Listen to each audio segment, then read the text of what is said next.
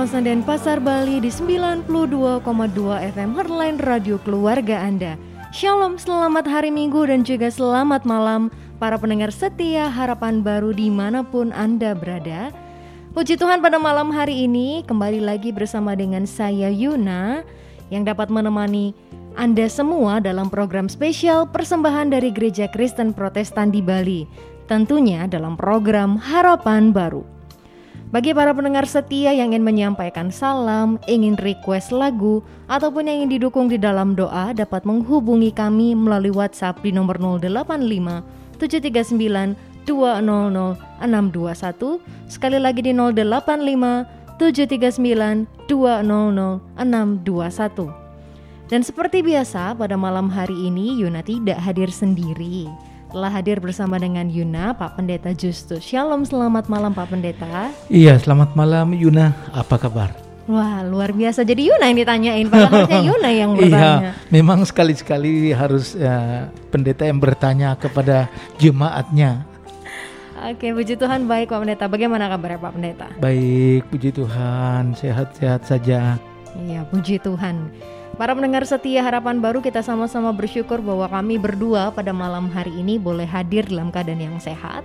Dan kami juga berharap para pendengar setia harapan baru juga ada dalam kondisi yang sehat, yang penuh dengan sukacita juga. Para pendengar setia harapan baru pada malam hari ini kita akan bersama-sama membahas topik yang baik ya buat setiap kita yaitu bagaimana setiap kita memaknai imunitas menurut Alkitab. Jadi jangan ke mana-mana, Tetap bersama dengan kami di 92,2 FM Heartline, Radio Keluarga Anda.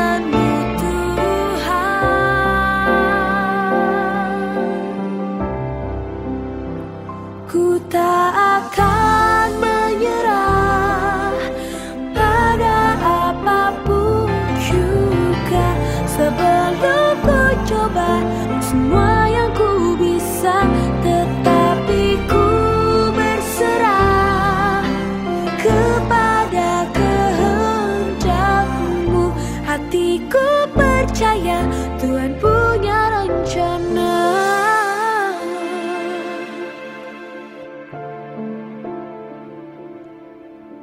Seringkali dengan mudah kita berkata bahwa kita tidak akan pernah mampu, bahwa kita tidak akan pernah bisa melewati segala sesuatu yang ada di hadapan kita hari ini. Namun, satu yang kita perlu ingat bahwa di dalam menempuh perjalanan hidup ini, di saat kita naik gunung maupun turun ke dalam lembah, bahwa kita tidak pernah dibiarkan sendiri lewat segala sesuatu yang terjadi dalam hidup kita. Tuhan selalu ada bersama dengan kita. Dan satu yang perlu kita ingat, bahwa dia tidak pernah mengizinkan sesuatu terjadi dalam hidup kita tanpa seizin daripadanya. Sebab sementara kita melewati segala sesuatu itu, dia senantiasa memberikan kekuatannya bagi kita untuk kita boleh cakap menanggung segala perkara. Itu sebabnya di dalam segala keadaan kita, jangan pernah menyerah kalah. Sebab Allah yang menyertai kita jauh lebih besar dari segala persoalan yang ada di dalam kehidupan kita. Dan satu lagi yang perlu kita catat, bahwa apa pun yang kita alami tidak akan pernah melampaui kekuatan kita untuk menanggungnya. Dalam segala perkara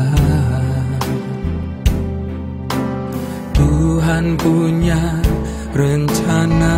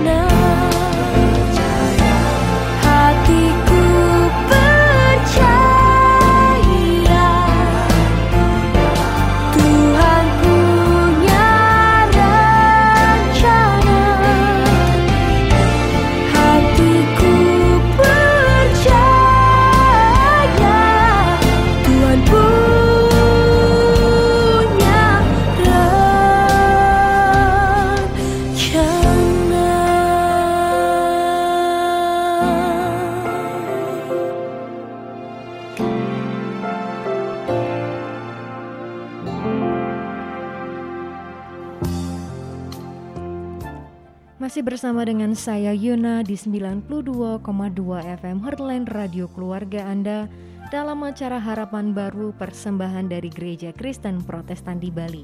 Dan tentunya Yuna akan tetap menemani kalian semua hingga pukul 21.30 Wita. Dan seperti yang Yuna sampaikan tadi telah hadir bersama dengan Yuna Bapak Pendeta Justus yang akan menyampaikan renungan bagi setiap kita. Jadi para pendengar Setia Harapan Baru bisa dipersilahkan untuk menyiapkan Alkitabnya, untuk menyiapkan catatannya, ataupun kalau yang lagi kumpul bersama dengan keluarga bisa juga diajak untuk mendengarkan renungan pada malam hari ini. Dan bagi Bapak Pendeta, saya persilakan. Iya, terima kasih Yuna, pendengar setia program Harapan Baru. Imunitas menurut Alkitab. Kita awali renungan ini dengan bersama kita berdoa.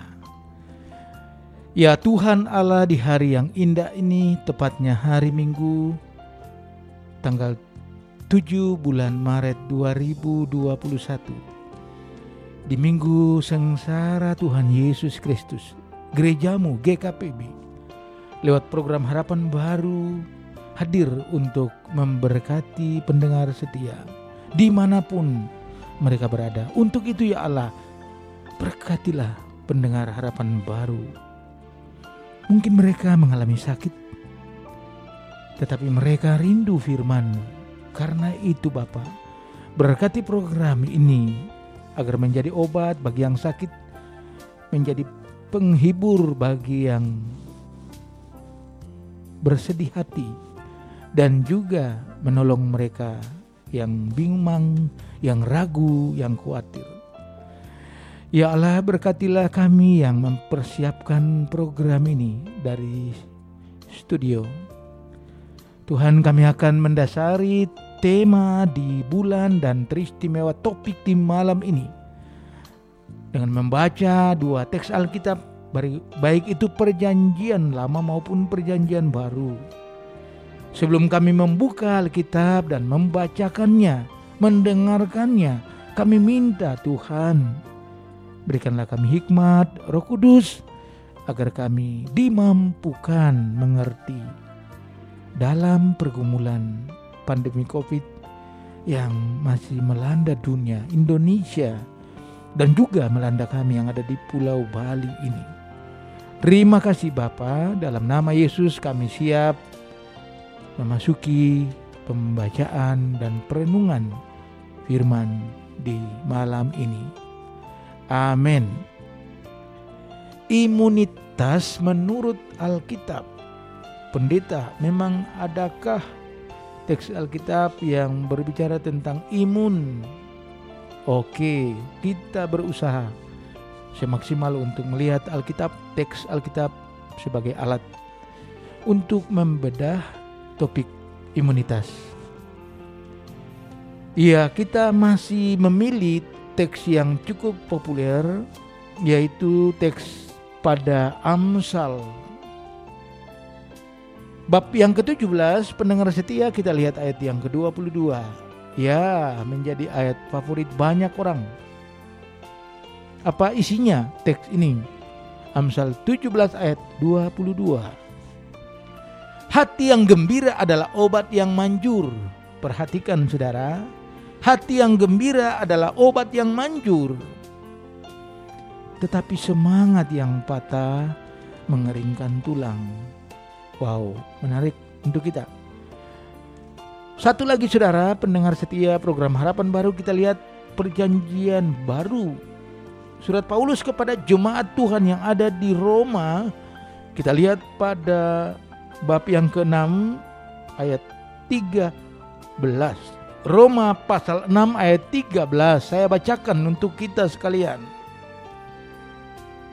Dan janganlah kamu menyerahkan anggota-anggota tubuhmu kepada dosa untuk dipakai sebagai senjata kelaliman. Tetapi serahkanlah dirimu kepada Allah sebagai orang-orang yang dahulu mati, tetapi yang sekarang hidup. Dan serahkanlah anggota-anggota tubuhmu kepada Allah untuk menjadi senjata-senjata kebenaran. Demikian dua teks bagi kita. Bagi saudara yang baru bergabung di malam ini terima kasih. Topik kita imunitas menurut Alkitab. Saudara, iman dan imun dua kata yang populer ketika Covid meningkat. Akhir tahun 2020 sampai awal tahun 2021 bulan yang ketiga iman dan imun menjadi dua kata yang populer. Saudara, diyakini bahwa dengan imun yang baik, iman yang kuat, seseorang dapat terhindar dari penularan virus corona. Dua hal ini, iman dan imun, akan kita diskusikan di sepanjang bulan Maret 2021 ini. Apa tujuannya? Bersama-sama saudara kita berharap covid ini dapat dihentikan dapat berhenti dan kita berharap penuh kepada Allah dalam Yesus Kristus untuk hal itu. Saudara, imunitas menurut Alkitab. Apa sih yang mau kita pahami dalam kondisi masa sulit ini? Kita akan pahami secara singkat apa imunitas itu. Saudara, pendengar setiap program harapan baru, sistem kekebalan tubuh atau imunitas adalah sebuah sistem sebuah sistem yang terdiri dari jaringan organ tubuh sel yang melindungi tubuh dari musuh yaitu bakteri misalnya, jamur misalnya, virus, parasit, mikroorganisme dan lain-lain. Karena itu saudara rawatlah tubuh Anda agar menjadi benteng yang kokoh tubuh yang sehat, hati yang gembira, jiwa yang penuh semangat, COVID lenyap. Puji Tuhan. Kita akan memahami dua teks yang telah kita baca. Sebelumnya, pendengar setia, satu pujian memberkati saudara.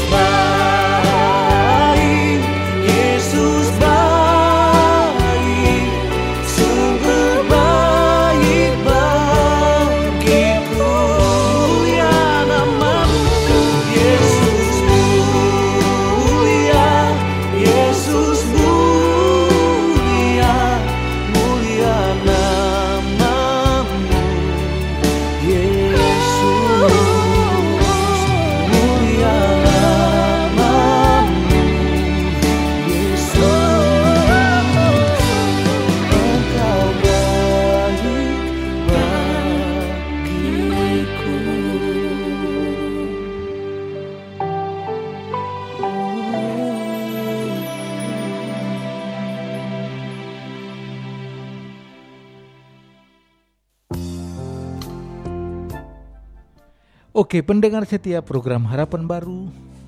Topik kita di malam ini imunitas menurut Alkitab. Saudara kita telah membacakan dua teks. Yang pertama Amsal 17 ayat 22 dan Roma 6 ayat 13. Mari saudara, kita mendalami teks ini Amsal pasal 17 ayat 22. Ayat yang terkenal ini Saudara, penulisnya sengaja membagikan kepada kita resep agar hati kita tenang. Sekali lagi Saudara, penulis kitab ini sengaja membagikan kepada kita resep hidup agar hati kita tenang walaupun tidak sedikit persoalan yang sementara kita lakoni tidak sedikit pergumulan yang sementara kita jalani. Saudara berbarengan dengan persoalan hidup Orang percaya harus masih dapat bergembira Bersukaria. Begitu tujuan penulis Amsal Saudara, hati yang gembira adalah obat yang manjur. Orang percaya masih dapat menjalani hidupnya karena sang pemilik kehidupan tidak pernah meninggalkannya. Firman-Nya memberikan kekuatan dan penghiburan. Itu sangat diyakini oleh penulis kitab Amsal. Dan karena itu dia punya semangat yang besar setiap hari. Saudara, haruslah kita jadikan hidup ini hidup yang bermakna. Walaupun banyak persoalan, haruslah kita tetap bergembira, saudara. Walaupun banyak masalah yang kita hadapi, teristimewa COVID saat ini. Allah menciptakan umatnya, Allah menciptakan Bapak Ibu dan saya, Allah menciptakan saudara dan saya. Bukan untuk sesuatu yang tidak bermakna, tetapi untuk sesuatu yang bernilai. Kita harus tetap bisa bergembira dan bersukaria. Obat yang manjur. Amsal 17 ayat 22. Mari saudara kita lihat bacaan yang kedua Roma pasal yang ke-6 ayat yang ke-13 Apa yang penting bagi kita sebagai orang percaya? Dari teks ini. Saudara inti dari teks ini berbicara soal bagaimana orang percaya Saudara dan saya menggunakan tubuh ini sesuai dengan kehendak Allah Janganlah anggota tubuh dipakai untuk berbuat yang salah, apalagi sengaja berbuat dosa. Jangan anggota tubuh dipakai untuk berbuat dosa. Misalnya, memuaskan nafsu birahi dengan melakukan persinahan atau seks bebas atau minum minuman keras obat-obat terlarang, dan seterusnya. Yang benar ialah anggota tubuh yang Allah berikan itu digunakan untuk hal-hal yang positif, yaitu yang benar di mata Allah, yang berkenan kepada Allah. Saudara, tubuh yang demikian memiliki power, kekuatan. Dalam hal ini, kekebalan tubuh atau imunitas. Jadi saudara kita yakini bahwa tubuh yang dipakai secara benar itu menjadi sebuah kekuatan besar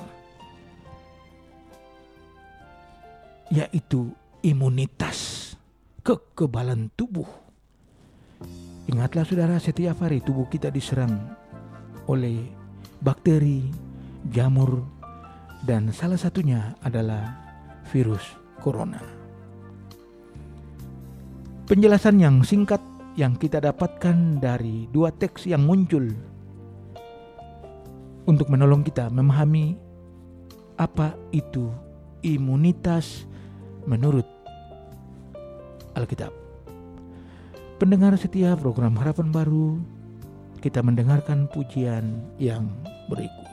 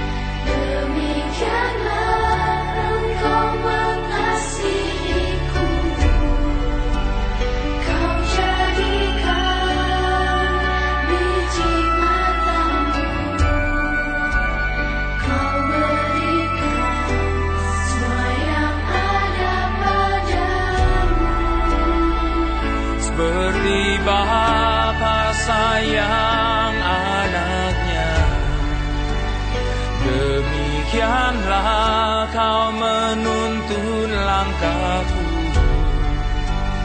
Hari depan indah kau beri Rancanganmu yang terbaik bagiku. Yang terbaik,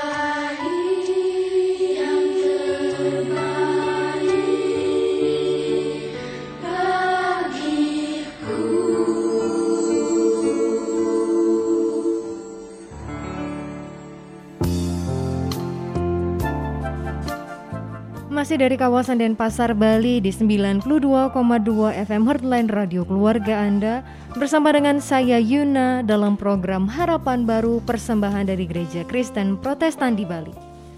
Bagi para pendengar setia Harapan Baru yang ingin bergabung bersama dengan kami untuk diskusi pada malam hari ini ataupun yang ingin kirim salam ataupun yang ingin didukung di dalam doa dapat menghubungi kami melalui nomor di WhatsApp di nomor 085739200621. Sekali lagi di 085739200621. Para pendengar setia Harapan Baru yang dikasih oleh Tuhan, malam hari ini topiknya uh, penting ya bagi setiap kita karena mengingat bulan Maret ini adalah COVID versary. Jadi bulan Maret di tahun lalu itu adalah uh, waktu pertama kali uh, di Indonesia kasus COVID diumumkan. Jadi kita bersyukur sama Tuhan ya buat yang masih bisa dengar siaran pada malam hari ini. Jadi kita survive satu tahun. 365 hari kita bisa jalani walaupun berdampingan dengan corona. Jadi para pendengar setia harapan baru kalau mau berbicara tentang corona, berbicara tentang imun itu kayaknya sesuatu yang sudah melekat, udah mungkin mendarah daging bagi setiap kita hampir satu tahun ini. Ada banyak perbincangan tentang imunitas, ada banyak perbincangan tentang kesehatan, ada banyak perbincangan uh berbagai hal lagi yang bersangkutan dengan imun. Ataupun mungkin ada di antara kita yang selama satu tahun ini sudah mulai merasa aduh aku jenuh, aduh aku bosan, atau Hah, aku lelah dan ingin menyerah. Atau ada mungkin yang beberapa di antara kita yang mulai justru semakin semangat karena mereka menemukan banyak hal baru di dalam waktu-waktu yang tidak mudah ini. Jadi pada malam hari ini kita akan bersama-sama melihat kembali lebih dalam apa sih itu imunitas menurut Alkitab. Berbicara tentang imunitas nih Pak Pendeta. Pertanyaan pertama buat dari Yuna ya. Imunitas itu sebenarnya mencakup apa aja sih Pak Pendeta? Oke, terima kasih Yuna. Saya yang pertama sepakat bahwa betul eh, kita puji Tuhan ya karena kita setahun melewati kehidupan berdampingan dengan virus corona. Tapi Yuna mungkin tidak salah kalau kita juga turut eh, berduka karena tidak sedikit orang meninggal karena COVID, Ya. baik di Indonesia maupun di seluruh dunia, di Bali. Ya begitulah realita kehidupan. Mencakup apakah imunitas itu? Yang pertama bahwa imunitas adalah sistem kekebalan tubuh yang natural. Artinya memang disiapkan oleh Sang Pencipta kepada kita. Memang betul Allah kita itu uh lebih dari dokter ya. Allah kita itu oh pintarnya minta ampun. Dia menciptakan tubuh kita ini dengan kekebalan. Dan ternyata bukan manusia saja tapi binatang juga diberikan kekebalan tubuh. Bahkan ada yang namanya pelindung diri. Binatang tertentu pelindung dirinya apa? Cakarnya. Ya, pada kuku. Entah kaki atau tangan. Pada manusia juga. Begitulah juga dengan imun. Sistem kekebalan tubuh pemberian Allah. Tetapi yang kita mau lihat adalah bagaimana sistem kekebalan tubuh itu berfungsi. Berfungsinya bagaimana? Ternyata dia sangat dipengaruhi oleh perasaan. Dia sangat dipengaruhi oleh suasana hati.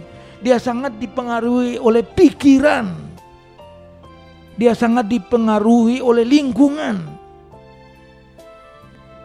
Artinya kalau kita lagi marah-marah atau takut, khawatir pada level-level tertentu, di situ imun kita menurun, menurun sekali. Oleh sebab itu betul, jangan takut, jangan khawatir teristimewa orang percaya. Jangan takut, jangan khawatir terhadap situasi ini. Sebab kalau takut, khawatir, imun kita itu menurun. Jadi pertanyaan Yuna, imun itu, sistem kekebalan tubuh itu sangat dipengaruhi oleh apa yang disebut dengan kehidupan rohani kita dan juga jasmani. Maka itu yang saya mau katakan adalah tubuh harus dijaga supaya sehat. Iman harus juga terjaga supaya sehat rohaninya. Dengan demikian maka imun itu ada di atas standar rata-rata. Ya maaf Yuna saya tidak mendalami bidang ini. Saya belum menemukan referensi tentang imun. Kira-kira imun yang baik itu ukurannya berapa? 100. Saya tidak punya referensi itu. Yang paling rendah itu berapa? 20.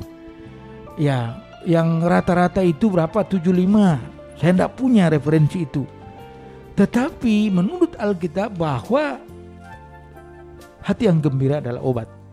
Kegembiraan atau rohani yang bagus itu sangat menolong imun. Yang jelas bahwa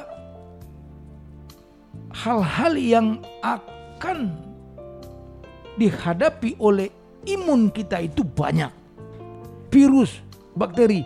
Dalam konteks kita sekarang adalah virus corona. Kita hidup dengan virus corona. Kalau imunitas kita rendah, sangat mungkin kita tertular virus corona itu. Dan kita harus menghadapinya. Tuhan menolong kita supaya kita terbebas. Itu di seputar imunitas. Silakan Yuna. Ya, jadi para pendengar setia harapan baru berbicara tentang imunitas ini memang uh, sesuatu yang mungkin uh, tidak bisa kita kupas secara medis dan mendalam pada malam hari ini karena memang kita akan sama-sama lihat dari sisi Alkitab. Jadi Yunus setuju ber- uh, terkait dengan apa yang disampaikan oleh Bapak Pendeta bahwa imunitas itu tidak hanya mencakup kekebalan secara jasmani, tapi juga secara rohani. Jadi ada sesuatu hal yang buat Yuna amazed dari yang disampaikan sama Bapak Pendeta tadi bahwa imunitas itu adalah sesuatu yang given yang dipersiapkan sama Tuhan, yang dikonstruksikan sama Tuhan. Jadi kalau Yuna menggambarkan mungkin payung sebelum hujan kali ya Pak ya. Ya, ya. Jadi, wow, itu ilustrasi sebelum- yang baik. Sebelum kita sakit Tuhan udah kasih imunitas. Luar biasa Jadi Tuhan. eh, jadi eh, jadi ki- kita sebagai manusia tuh tidak gampang sakit gitu ya Pak ya. Jadi misalnya kayak kehujanan dikit nggak langsung demam berhari-hari gitu karena kita punya Iya. imunitas. betul. Ataupun misalnya dengan eh, teman-teman dengan kasus OTG. Jadi di corona ini kan banyak sekali ya kasus OTG belakangan ini ya Pak Pendeta ya. Iya. Karena imun mereka berbeda dengan yang eh, terkena dampak parah ya, yang Betul, muncul gejala-gejala berat. Jadi sebenarnya berbicara tentang imun ini adalah berbicara juga tentang anugerah yang Tuhan beri. Berkat ya Pak ya. Iya, iya, iya. Karena ini adalah kayak dari tadi Yuna kayak oh iya ini payung sebelum hujan yang Tuhan sudah beri bahkan ketika kita masih ada di dalam kandungan orang tua. Itu sesuatu yang amaze banget dan yang memang sesuatu yang kita harus jaga terus ke dalam kehidupan kita. Benar yang disampaikan sama Bapak Pendeta tadi bahwa setiap hari imun kita kayaknya perang sama virus, sama parasit, mikroorganisme, bakteri, Bakteri. jamur, Iya. belum lagi dengan hal-hal lain dalam kehidupan kita. Dan yang paling penting adalah, ini biasanya eh, orang selama ini ya mungkin kalau nggak karena corona mereka tidak akan peduli dengan imunitasnya ya, terutama imunitas secara lengkap. Jadi mungkin sebanyak orang yang masih ber- berpikir bahwa imunitas itu hanya sekedar sehat secara jasmani. Padahal yang disampaikan sama Bapak Pendeta tadi, imunitas jasmani kita itu justru bergantung penuh kepada kondisi lingkungan, kepada suasana hati, kepada emosi, kepada isi pikiran, kondisi hati dan juga jiwa. Jadi sebenarnya ini dua hal yang tidak bisa dipisahkan ya Pak Pendeta Iya, ya. betul. Jadi mau sehat itu harus sepaket, nggak bisa setengah doang paketnya berarti ya. Jadi kalau misalnya so- eh, para pendengar setia harapan baru malam hari ini kita sama-sama belajar ya, bahkan di beberapa siaran radio kita belakangan ini mengajak setiap kita untuk nggak cuma sehat secara jasmani, tapi juga tetap mempertahankan kesehatan kita secara rohani. Kalau Yuna boleh bilang ketahanan iman itu bergantung juga kepada kekuatan imunitas. Iya. Saling bergantung satu dengan yang lain. saling bergantung, saling eh, mendukung, saling melengkapi lah gitu macam pasangan ya Pak Pendeta ya. Iya. Iya, jadi para pendengar setia harapan baru berbicara tentang imunitas itu tadi satu hal yang bisa kita buka bersama-sama bahwa sebenarnya imunitas itu adalah bagian dari berkat Tuhan yang Tuhan sudah siapkan jauh-jauh hari sebelum kita sakit. Jadi pertanyaan kalau sampai kita sakit, apakah yang terjadi? Apakah kita kurang menjaga imunitas kita atau ada hal-hal lain yang di luar itu? Kemudian eh, tadi ada hal yang sangat eh, menarik ya yang Yuna ingat dari yang disampaikan oleh Bapak Pendeta. Uh, sesuai dengan Amsal yang tadi 17 ayat 22 itu. Karena itu adalah katanya resep bagi orang percaya supaya hatinya tenang walaupun tidak sedikit pergumulan yang ia jalani. Jadi memang masalah akan ada terus ya Bapak Pendeta ya dalam kehidupan Ya, kita. Pasti. Imunitas nggak cuma imunitas jasmani kita aja yang akan terus bertempur, tapi imunitas kita secara rohani pun akan terus bertempur setiap hari. Betul Bapak Pendeta? Setiap hari. Jadi pertanyaannya sekarang kan mau imunitasnya uh, tetap dijaga, kita mau tetap berbahagia atau kita berlarut dalam kesedihan ya nggak Pak Pendeta? Iya. Kenapa Pendeta? Kalau tadi kita uh, sudah bersama-sama melihat nih bahwa imunitas itu mencakup uh, dua hal ini nih, which is dua hal ini adalah dua hal yang penting di dalam kehidupan kita. Sekarang yang mau jadi pertanyaan Yunam, menurut seorang Bapak Pendeta nih yang dialami selama ini ya, apa aja sih Pak Pendeta yang bisa menurunkan imunitas kita baik secara jasmani maupun secara rohani? Iya, yang pertama mungkin saya eh, mau lihat secara jasmani ya, walaupun kita malam ini akan fokus kepada Alkitab, imunitas menurut Bible. Iya, yang pertama saya melihat bahwa tubuh ini lelah. Mengapa? Air yang kita pakai baik untuk mandi atau untuk diminum tidak sebersih air yang mungkin 20 30 tahun lalu. Udara yang kita hirup juga begitu. Makanan makanan kita tidak sehat. Itu artinya apa? Tubuh kita ini bekerja sangat keras. Kekebalan tubuh kita itu bekerja sangat keras. Saya tidak dokter, saya tidak belajar soal medis, tapi saya beranalisa bahwa tubuh ini capek, lelah sekali. Karena kalau kita pakai istilah peperangan tadi yang Yuna angkat, dia berperang terus, tidak henti-hentinya. Ya mungkin saja dia akan mengalami kelelahan. Kalau ibarat onderdil kendaraan, dia sudah apa? Sudah haus, dia sudah, sudah Haus. dol, Mm-mm. ya tidak berfungsi lagi. Udah apa melar gitu ya, udah tidak pas Harus diservis Pak Pendeta. harus diservis. Karena apa? Yang tadi. Di makanan ada virus, ada bakteri, di minuman, di udara. Menempel pada apa? Baju kita, pada bantal tidur kita, menempel pada handphone kita. Sehingga capek. Sehingga betul kekebalan tubuh kita itu menjadi menurun karena kelelahan.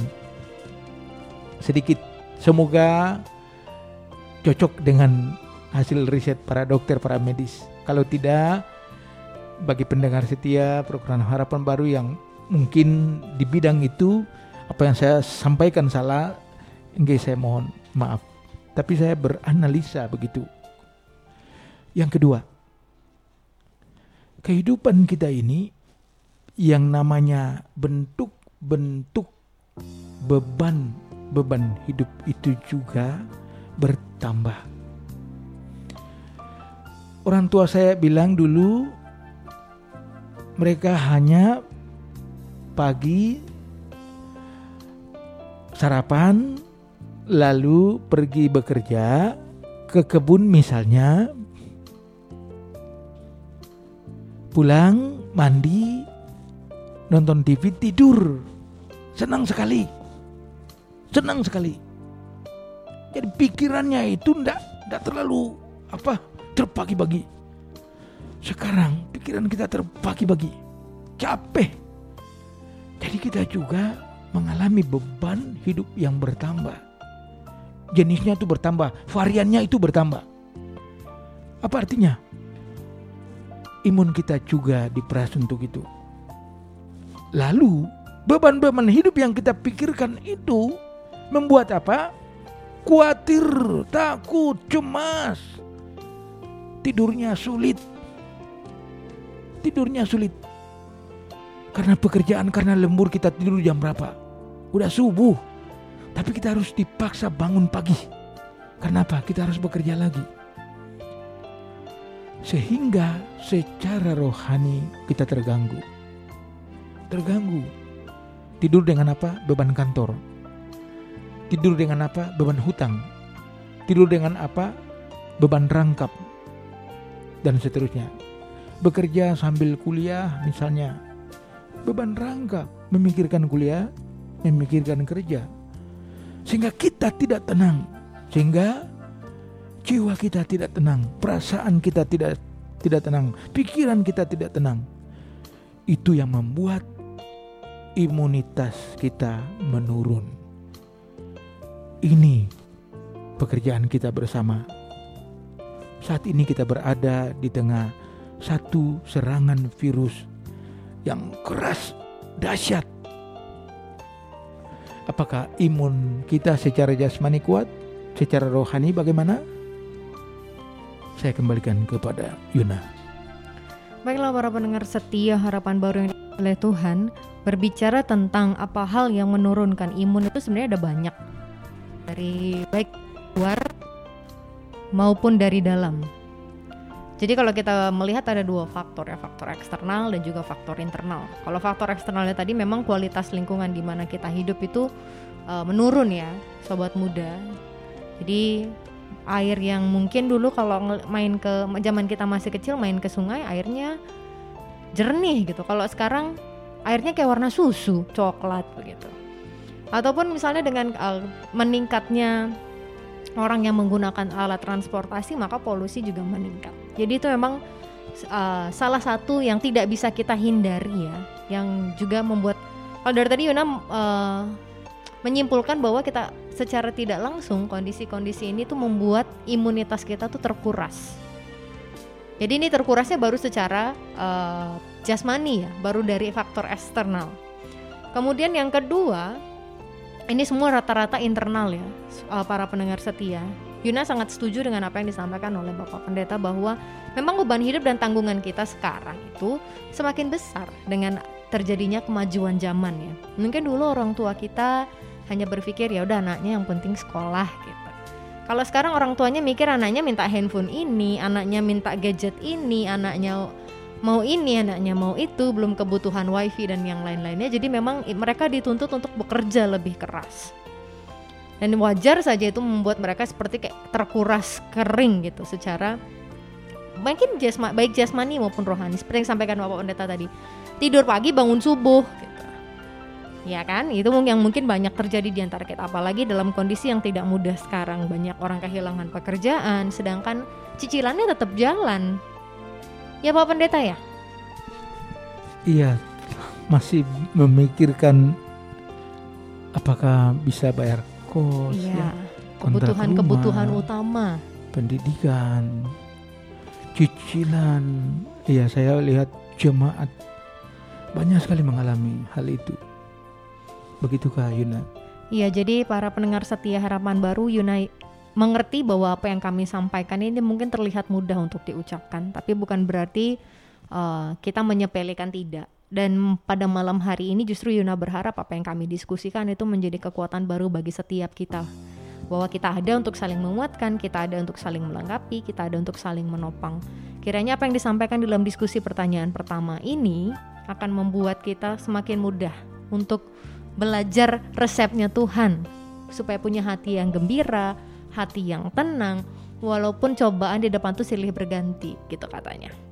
Baiklah para pendengar setia harapan baru yang dikasih oleh Tuhan, Yuna masih menungguin buat para pendengar setia yang ingin bergabung dengan diskusi kami ataupun ingin didukung di dalam doa, bisa menghubungi kami melalui WhatsApp di nomor 085 739 200 621. Sekali lagi 085 739 200 621. Jangan ke mana-mana tetap stay tune bersama dengan kami di 92,2 FM Heartline Radio Keluarga Anda.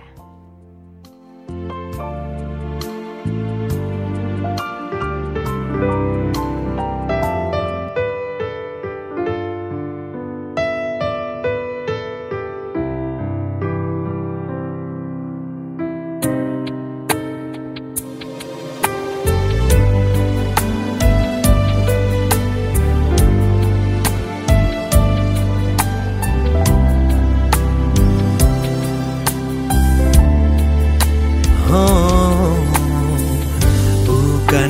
karena kebaikanku, bukan karena kemampuanku, tapi semua karena Tuhan. Dia berikan anugerahnya.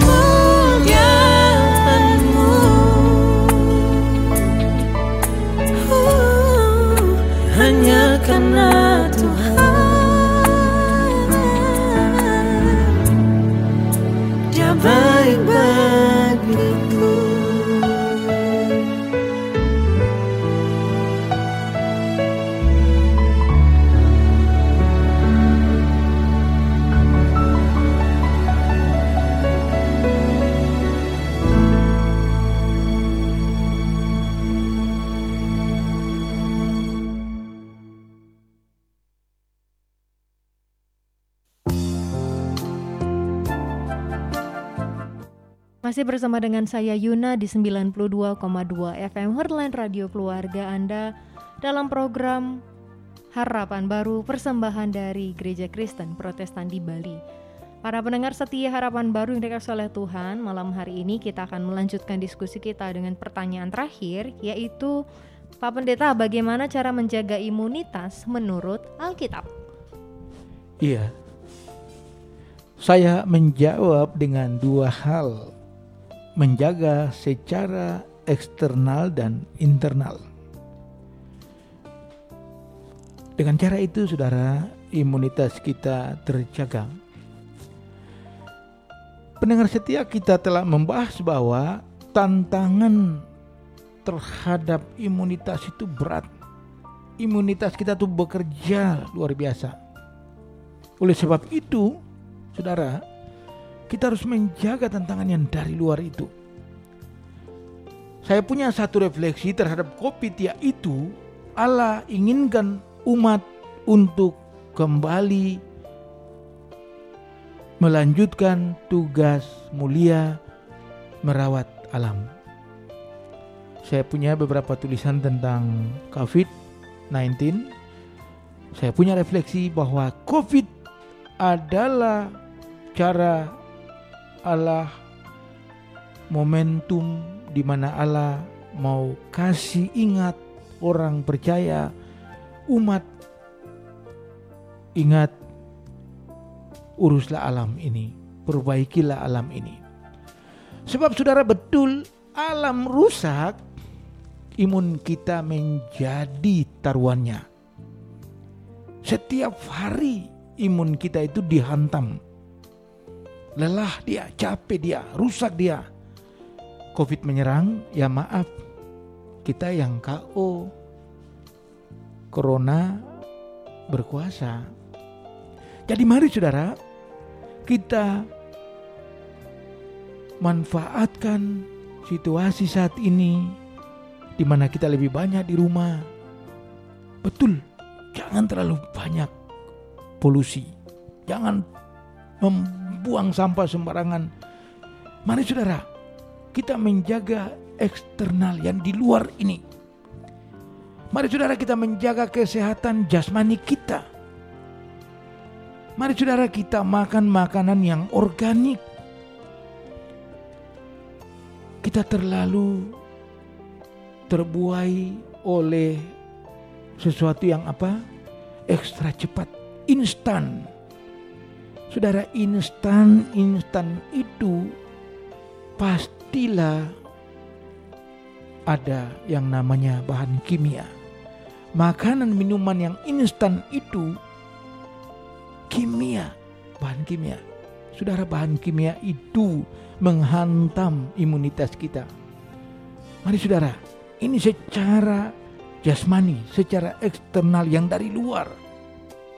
Kemudian saudara yang di dalam kita. Marilah saudara kita menjaga hati kita. Marilah saudara kita menjaga iman kepercayaan kita.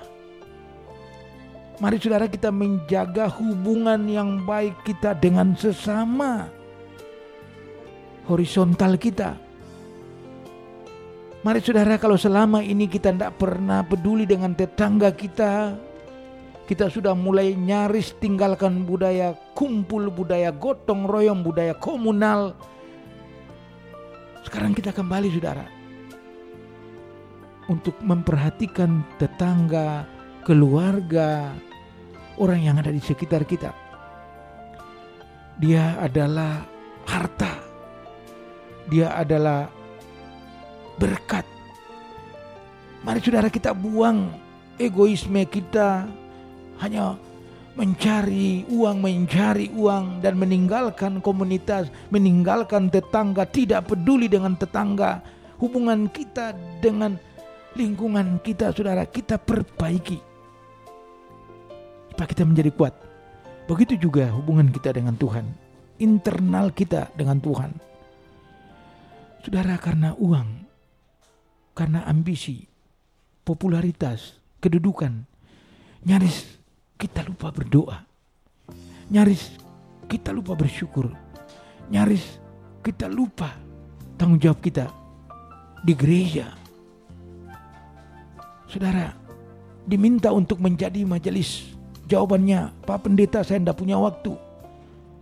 Nanti kalau saya sudah punya waktu. Saudara tunggu pensiun. Diminta jadi majelis apa jawabannya? Pak Pendeta saya sudah tua, kasih yang muda. Jujur saudara, itu yang terjadi. Sehingga di jemaat yang besar sekalipun, yang jumlahnya seribu, misalnya saudara, saya jujur di Kristus Kasih, jumlahnya seribu, seribu lima ratus, mencari majelis itu tidak mudah saudara. Mencari sepuluh dua puluh orang majelis itu tidak mudah. Karena apa? Pak Pendeta, saya tidak punya waktu. Saya kerja, masih kuliah, Nanti aja Pak Pendeta. Kita cari yang sudah pensiun, Pak Pendeta saya sudah tua cari yang muda. Tidak ada saudara. Mari saudara, kita memperbaiki hubungan internal kita dengan Tuhan. Kita bekerja, kita tetap berdoa. Kita melakukan tugas di tempat pekerjaan kita, kita juga berbakti di rumah Tuhan di gereja. Kita tetap meyakini bahwa Tuhanlah penolong kita, bukan uang penolong kita. Tuhanlah yang dapat memampukan kita, bukan harta. Tidak. Jadi saatnya kita memperbaiki hubungan kita dengan sesama, dengan Tuhan, dengan lingkungan. Bersihkan lingkungan bersihkan hubungan. Itu dua hal menjaga secara eksternal dan internal hubungan kita. Dengan cara itu imunitas kita bisa terjaga bahkan meningkat. Saya kembalikan kepada Yuna. Terima kasih banyak Pak Pendeta. Ini adalah beberapa tips ya para pendengar setia harapan baru untuk menjaga imunitas kita menurut Alkitab. Jadi yang jelas kita harus merawat alam karena sekarang kalau mau ditanya kita hidup bergantung pada alam. Pasti banyak yang sekarang berkebun, pasti banyak yang sekarang mengandalkan hasil kebun. Kemudian yang jelas kita harus makan makanan sehat. Ini teguran buat setiap kita bahwa selama ini kita terbuai dengan segala yang instan sampai lupa bahwa itu tidak sehat buat kehidupan kita. Kemudian secara internal yang jelas ini sepaket komplit kita menjaga hati, iman, pikiran dan memperbaiki relasi kita baik terhadap Tuhan maupun terhadap sesama kita. Biarlah waktu-waktu Covid ini di waktu kita diajak sama Tuhan untuk kembali merefleksikan diri, kembali membenahi diri, bahkan kalau memang sangat dimungkinkan untuk mengupgrade diri menjadi lebih baik. Para pendengar setia yang dikasih oleh Tuhan, kita akan bersama-sama uh, mengakhiri siaran kita pada malam hari ini. Namun sebelumnya akan dipimpin dengan doa syafaat oleh Bapak Pendeta. Silakan Pak Pendeta. Ya pendengar setia terima kasih saya punya satu kalimat sebelum kita berdoa. imun kuat, iman kokoh, covid KO. Oke? Sekali lagi imun kuat, iman kokoh, covid KO. Semoga dihafal. Oke, mari pendengar setiap program Harapan Baru kita berdoa. Ya Tuhan Allah kami bersyukur sebab kami bisa berbagi dengan pendengar setia harapan baru di mana pun mereka berada. Kami belajar tentang imun yang Tuhan berikan kepada kami, kekebalan tubuh, dan kami harus menjaga. Apalagi tantangan terhadap imun itu begitu banyak saat ini. Tuhan, kami serahkan semua pendengar program Harapan Baru teristimewa mereka yang sakit. Lebih khusus lagi mereka yang positif COVID. Mereka yang sakit. Benar-benar sakit. Tuhan pulihkan mereka. Ekonomi dampak dari COVID. Tuhan tolong kami. Bapa di malam ini kami tidak pernah untuk menyerahkan ke dalam tanganmu pemerintah kami kuatkan mereka Bapak Presiden wakil jajarannya pimpinan kami, pemerintah kami yang ada di Pulau Bali, Bapak Gubernur, Wakil Gubernur, Wali Kota, para bupati, semuanya, kepala desa, camat. Tuhan memberkati agar mereka kuat. Gerejamu Bapa yang ada di Indonesia, gerejamu yang ada di Pulau Bali, gereja Kristen Protestan di Bali Tuhan memberkati. Hamba-hambamu Pak Bishop, Bapak Ibu Pendeta, Vikaris Majelis, semua yang Tuhan percayakan melayani. Terkhusus di Yayasan Tabur Tuai, Tuhan memberkati dengan program Harapan Baru dan juga program khusus untuk pemuda-pemudi di setiap hari Kamis malam. Ya Bapak terima kasih Engkau melayakan kami malam ini untuk berbagi bersama pendengar di mana pun mereka berada. Jika ada yang tidak berkenan ya Bapak kami mohon ampun. Mengakhiri doa ini kami mohon kiranya imun kami kokoh, iman kami kuat, supaya corona bersahabat dengan kami, tetapi dia kami kalahkan. Akhirnya Hamba memohon daripadamu kiranya Allah Bapa Putra dan Roh Kudus memberkati kami. Sekarang sampai Maranatha. Haleluya. Amin. Para pendengar setia yang diberkati Tuhan, tidak terasa kita akan menyudahi program kita pada malam hari ini. Kami mengucapkan terima kasih kepada Bapak Pendeta Justus. Terima kasih banyak Pak Pendeta. Sama-sama. Kiranya Tuhan Yesus memberkati pelayanan Bapak, keluarga Bapak, dan juga kesehatan Pak Pendeta. Dan kami juga mengucapkan terima kasih kepada seluruh pendengar setia harapan baru di mana pun berada, ataupun buat para pendengar yang sudah dengan setia maupun sudah dengan sangat senang hati bergabung bersama dengan kami malam hari ini. Dan jangan lupa bahwa setiap hari Minggu pukul 20 hingga 21.30 Wita nantikan kami hanya di 92,2 FM Heartland Radio Keluarga Anda. Dan acara ini diselenggarakan oleh Gereja Kristen Protestan di Bali. Akhirnya dari kawasan Denpasar Bali di 92,2 FM Heartland Radio Keluarga Anda. Saya Yuna pamit undur diri dari ruang dengar Anda. Selamat malam para pendengar setia. Please stay safe and stay healthy buat kita semua. Selamat beristirahat dan Tuhan Yesus memberkati kita semua. Kau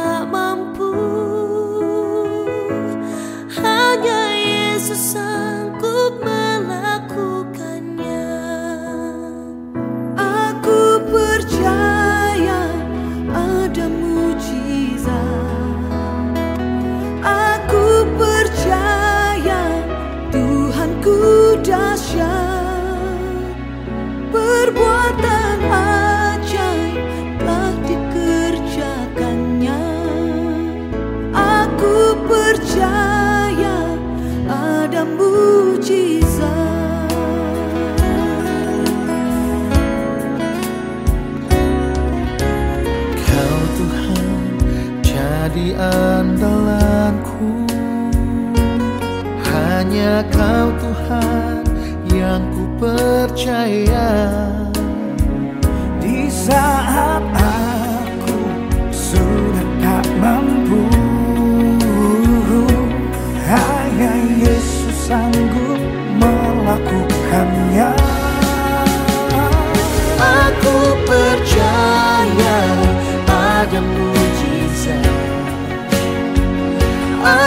much